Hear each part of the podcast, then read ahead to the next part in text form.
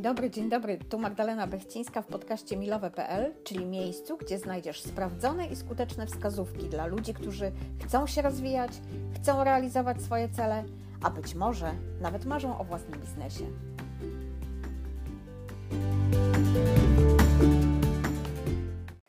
Ostatnio mówiłam o tym, jak znaleźć ścieżkę życiową, jak sobie z tym poradzić ile razy można zaczynać, ile razy można e, wymyślać coś nowego.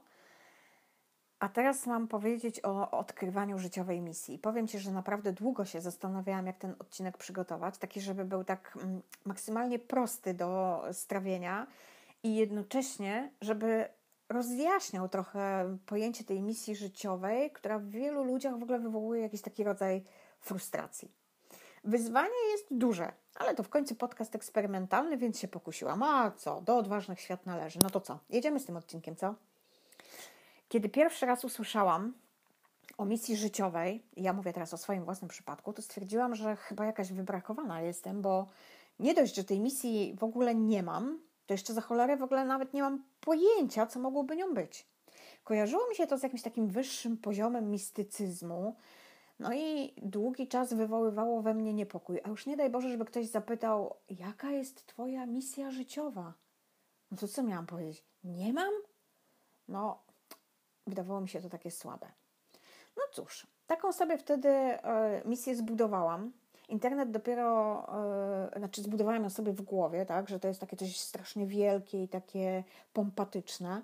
Internet dopiero raczkował. Wydawało mi się, że jestem jedyna, która w ogóle żadnego takiego powodu e, do życia nie widzi. Bardzo bym chciała, ale nie szło, no po prostu nie szło. I sporo czasu minęło, zanim zrozumiałam, że po pierwsze, nie trzeba szukać na siłę, bo to, czy się ją potrafi wyrecytować na zawołanie, czy nie, nie ma większego znaczenia. I nie polega to na tym, że muszę, nie wiem, wynaleźć lek na raka, albo y, samotnie, jak, nie wiem, Batman, albo ktokolwiek inny, tak, uratować ludzkość przed, przed zagładą.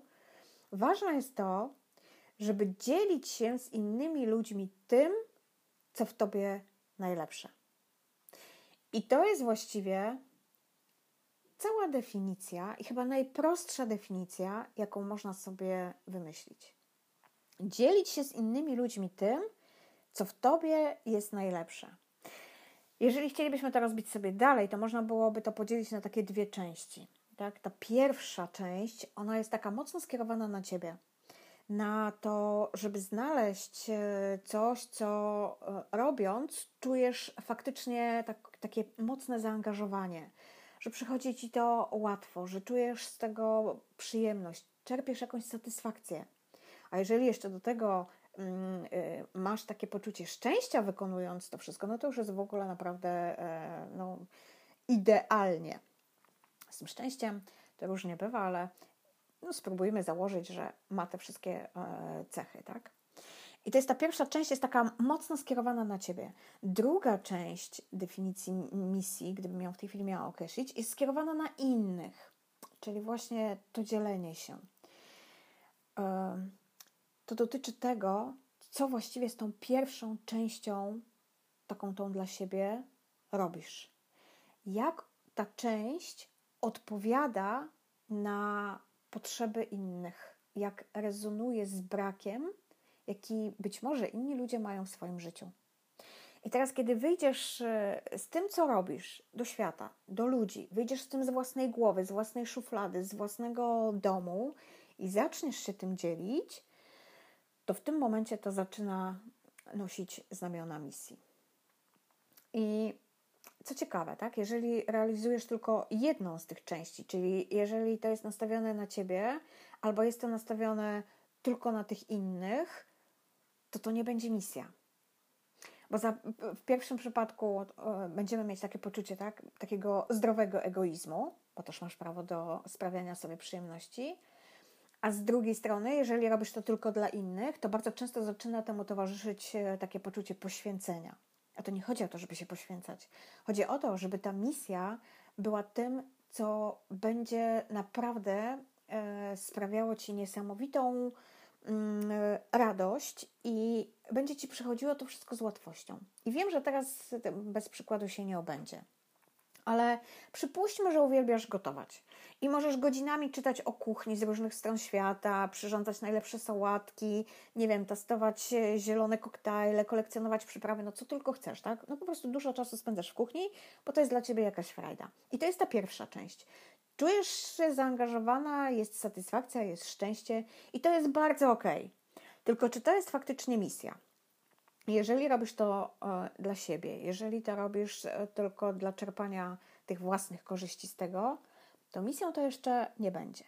Ale może się nią stać wtedy, gdy to, co robisz, będzie miało znaczenie dla innych ludzi. I teraz, no ale jakie to ma mieć znaczenie? No, raczej nie chodzi o to, tak, żebyś, nie wiem, kupiła worek 50-kilogramowy ziemniaków i zrobiła zapiekankę dla pół bloku, bo to nie o to chodzi. Ale jeżeli zaczniesz się z innymi dzielić swoim poczuciem smaku, jeżeli ich do czegoś zainspirujesz, jeżeli pokażesz im możliwości, jeżeli sprawisz, że nawet przez poznawanie y, Twoich opowieści, Twoich treści, Twoich przepisów, poczujesz, że oni poczują, że, że, że do czegoś ich inspirujesz, to naprawdę zaspokajasz w tym momencie jakąś ich potrzebę. Wypełniasz ten brak. I wtedy możesz powiedzieć, że to jest Twoja misja inspirowanie innych ludzi. A co jest przedmiotem e, bezpośrednio tego inspirowania, to przede wszystkim zależy od Ciebie. I nie szukaj na siłę jakichś nie wiadomo wzniosłych jakich rzeczy.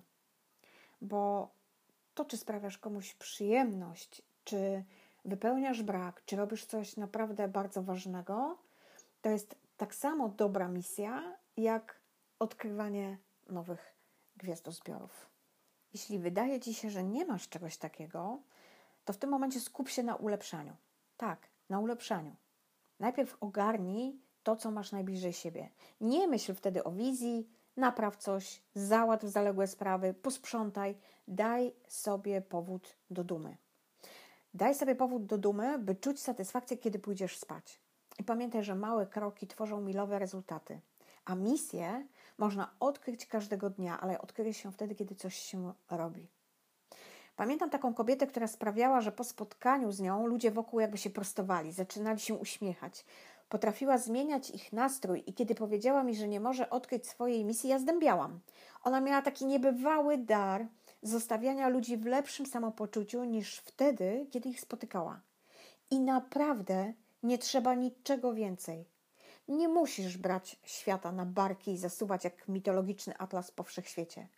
Ogarnij najpierw swoje małe poletko, które masz w zasięgu ręki, a może się okazać, że jest to największa misja, jaką w życiu masz.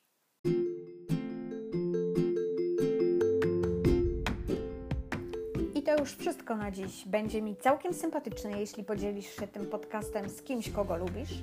Możesz też zrobić screen i zamieścić w mediach społecznościowych z oznaczeniem profilu Lubię Planować, a tymczasem dziękuję za dziś, dziękuję, że jesteś i do odsłuchania przy kolejnym podcaście.